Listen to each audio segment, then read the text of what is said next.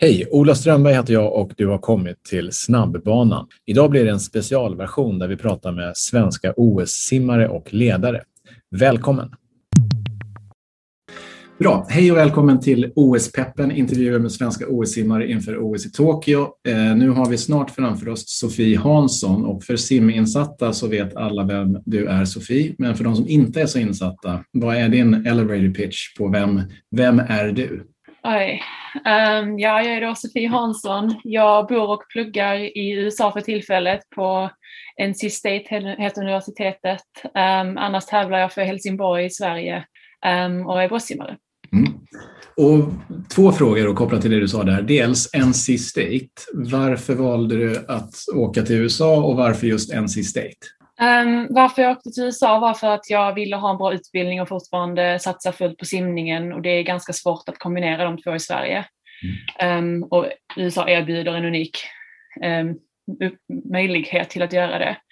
Mm. och uh, förlåt, vad var andra frågan? Vad... Varför just NC State? Varför just NC State? Jo, jag kollade på flertal universitet och sen åkte jag faktiskt och besökte fyra stycken och därefter gick jag mest på magkänslan, vad det kändes rätt och med vilket sorts träning de hade och coacherna och liknande. Och har det blivit som du förväntat dig eller bättre eller sämre? Det var nog en tuffare start än vad jag förväntat mig men från, från där tills nu har det blivit bättre än vad jag hade tänkt mig. Mm. Och det har gått väldigt bra i bassängen så det har ju självklart hjälpt. Och du, är, du går nu färdigt i junior year, eller hur? Precis, jag har avslutat mitt junior och går in på min senior nu i augusti början. Nu är det snart OS. Du är OS-uttagen igen. Var det någonting du hade förväntat dig? Blev du förvånad? Du kan inte blivit jätteförvånad när du simmar så snabbt, men jag ställer frågan i alla fall. Förväntade du dig eller inte?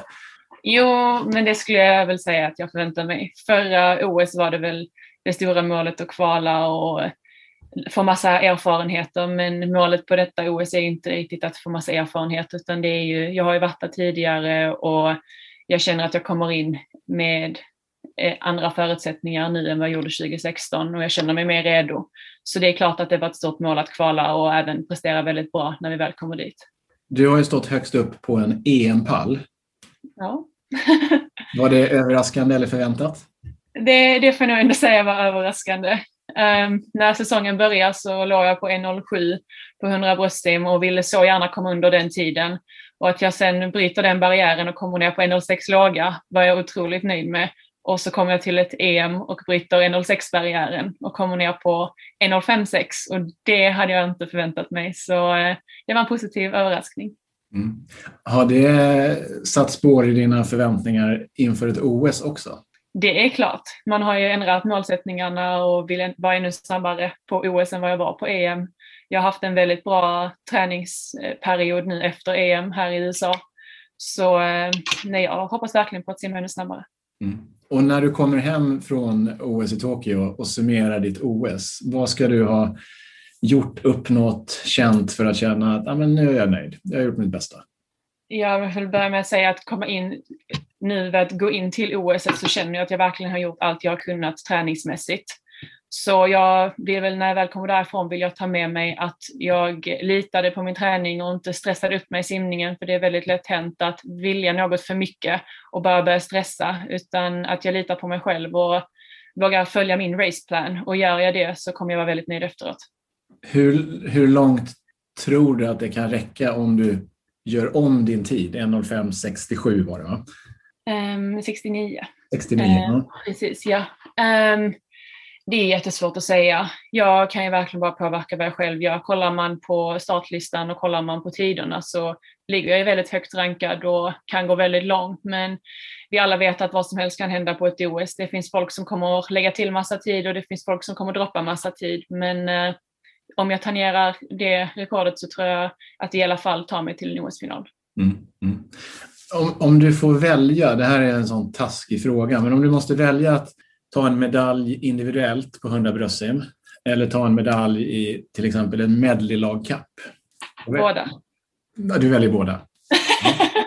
Nej, jag tycker det är jättekul att simma lagkapp så eh, det prioriterar jag högt men det är även kul att göra det individuellt så det, det är nästan en omöjlig fråga att ställa men eh, jag ser inte varför man inte kan göra båda. Nej, Nej varför inte? Ni, ni bör väl, alltså, det är som du säger, det, det kommer vara tajt på bägge racen och har man marginalen på sin sida så är det ju inte alls omöjligt. Precis. Så, så är det. Du, och du var ju med då 2016, nu har det gått fem år sedan dess. Vad har du för fördelar av att ha varit där, tror du? Jag har varit med och levt i den där OS-bubblan som man kallar det. Och det är verkligen något speciellt. Man tappar nästan bort vilken dag man är på och liknande. Och det är en speciell upplevelse att vara så centrerade och jag kan tänka mig att det kommer att vara ännu mer nu med alla covid-restriktioner. Så att jag har fått testa på den bubblan um, kommer nog ha hjälpt mig mycket under detta mästerskapet. Um, och sen bara att jag har blivit äldre och fått massa mer erfarenheter. Jag, som du, jag har stått i en EM-final och varit favorit, vilket har gett mig um, erfarenhet. Jag har varit med på x antal VM. Jag, jag har liksom testat att ställas mot de bästa och uh, erfarenheten tror jag och hoppas jag kommer göra att jag är mer förberedd denna gången. Mm. Mm. Ja, det, vore, det vore konstigt om det inte vore en fördel. ja, att det inte blev ett OS 2020, eh, var det i din värld när du förbereder dig och tränar och planerar så, var det jobbigt? Var det helt egalt? Det spelar ingen roll eller var det positivt? Nej, det, det var tufft. Det var jättetufft. Jag eh, var i USA när allt bröt ut och eh, var tre dagar ifrån att eh, börja simma NCAA som är väldigt stort i USA. Så jag var fulltoppad och skulle åka direkt ifrån eh, NCAA till OS-kvala. Så jag var helt redo med eh, toppning och allt och att få de nyheterna var väldigt, väldigt hårt.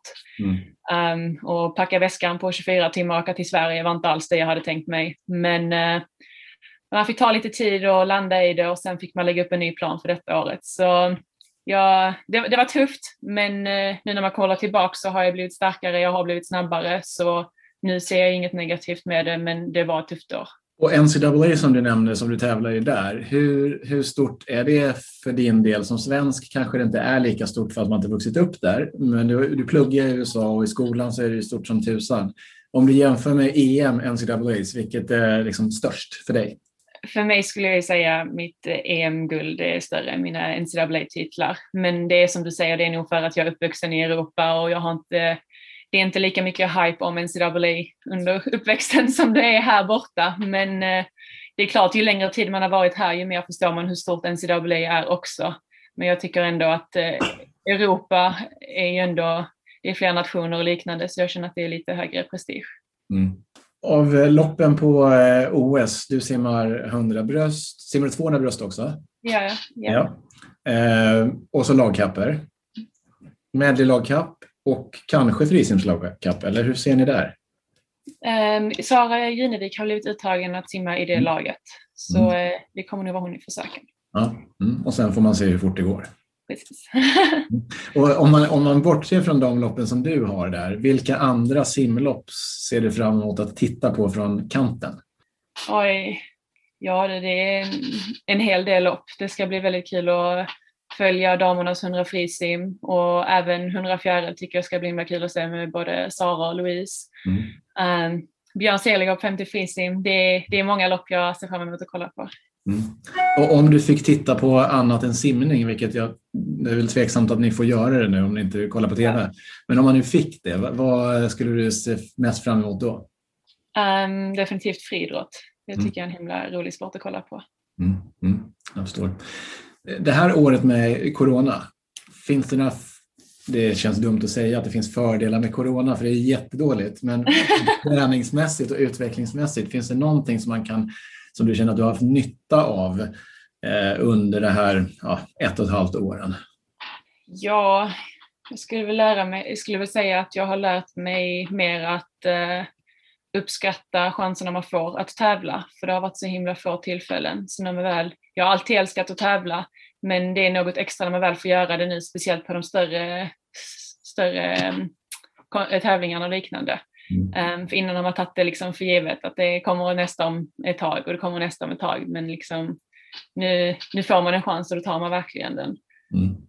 Och det har väl gett en mer att um, jag gillar att planera allt. Jag vill veta exakt vad jag ska göra och när jag ska göra det. Men under senaste ett och ett halvt året har jag väl lärt mig att det går inte alltid att planera allt för det kan ändras på timmar, dagar, veckor. Mm. Det, man har fått lära sig anpassa sig väldigt mycket. Mm, jag förstår. Och just det här med att planera allt, då förmodar jag att din toppning är du väldigt involverad i och vet exakt vad du vill göra. Ändrar du mycket i det eller har du samma koncept som du har haft senaste åren för att du vet att det funkar? Nej, men jag gör väl ungefär liknad, likadant som jag har gjort senaste åren. Men det är klart man justerar lite varje gång. Man lyssnar på hur kroppen känns och kanske man behöver ta lite mer vila eller lite mindre vila. Men eh, generellt så är det ganska, ganska lika skulle jag säga. Mm, jag förstår. Du, jag har en del frågor kopplat till Japan. Eh, just för att sätta, vänja dig lite vid stressen som kommer av att tävla. Okej. Ja, så, se inte så nervös ut nu. Så det här, den, först, den första frågan är väldigt enkel, för det finns inget rätt svar. Det är bara så eh, enkelt som om, om du får välja vad du ska äta, äter du helst sushi eller pizza? Sushi. Okej, okay, bra. Eh, nu kommer en fråga där det finns rätt och fel. Då. Vilken, vilken av de här bilarna kommer från Japan? Lexus eller Kia? Um, Kia. Skulle det kunna vara, fast det är Lexus. ja. Hur säger man tack på japanska? Oh, men det vet jag. Ja, fast man vet det bara om man kan säga det. Vet du. Jo, eller är det i, är det i Kina man säger tjö Eller vad det är? Ja, det är i Kina man säger tjö ah, Okej, okay, då kommer jag inte ihåg det. Men du kommer säkert att känna igen det. Arigato. Ja, jo, jo. Oh, mm, jo. Ja. Det, eh, en eh, nära släkting till dig fick den frågan också och hon visste också vad det hette fast hon kunde inte få fram det. Så ja, eh, den här är lite svår, eh, tror jag. OS har, har inte haft något rätt hittills. ja, men du hade rätt på sushi, det var bra gjort. Ah, okay. När gick OS i Tokyo senast? Det var på, jag kan ge dig en ledtråd, det var på 60-talet. Jag undrar om inte din pappa typ är född i året? Eller är han född ett år innan det? När är han född? 62. Är han född? Jag trodde han var född 63. Ja, det gick där 64. okay. ja. Och sen har vi den sista frågan som egentligen är den viktigaste. Då ska jag spela en eh, låt i ungefär 10 sekunder okay. eh, som heter Tokyo och du får sen chansen att säga vem det är som sjunger den. Oj. Mm, det, här, det här kommer du klara.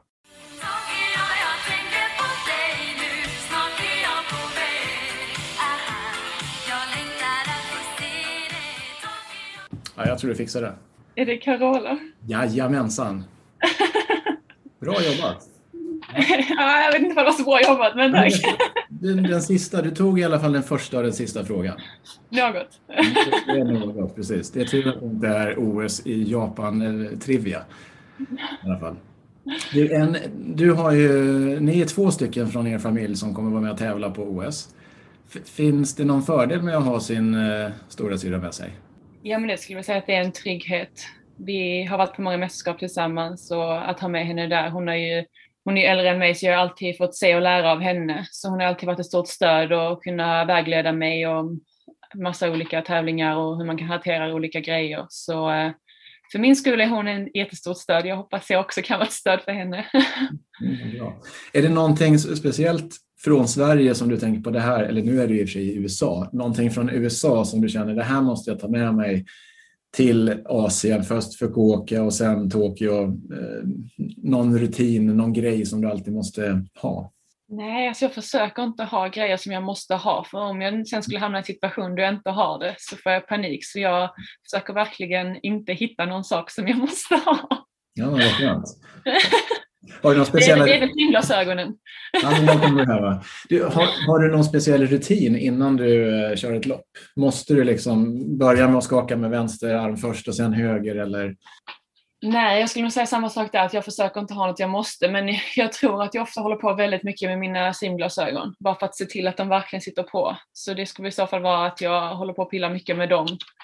Um, jag brukar sträcka till mig lite innan, men uh, det är inte så att jag gör det på en viss sekund eller liknande utan någon gång innan loppet. Liksom. Nej, det är ingenting som gör att du blir stressad om du glömmer bort att göra det? Nej, men precis. Nej. Mm, ja, men det är skönt. Du, vad, eh, en hälsning till svenska folket, vad skulle det vara från dig? En hälsning? Hela svenska folket, nio miljoner, tio ja. kanske till och med. Oj. Nej, men det är väl bara tack för stödet och jag hoppas de sitter hemma och hejar i sofforna på oss och synd att de inte får vara på plats. Mm, sant. Sofie Hansson, tack så jättemycket och lycka till som tusan. Ta dig till final eh, och där kan vad som helst hända och helst skulle vi vilja se dig jättehögt upp i resultatlistan. tack så mycket. Jag ska göra mitt bästa. Tack. Det här specialavsnittet av podcasten Snabbbanan har gjorts i samarbete med Svensk simidrott och deras huvudsponsor Palen Premium Pool Equipment. Tack så mycket!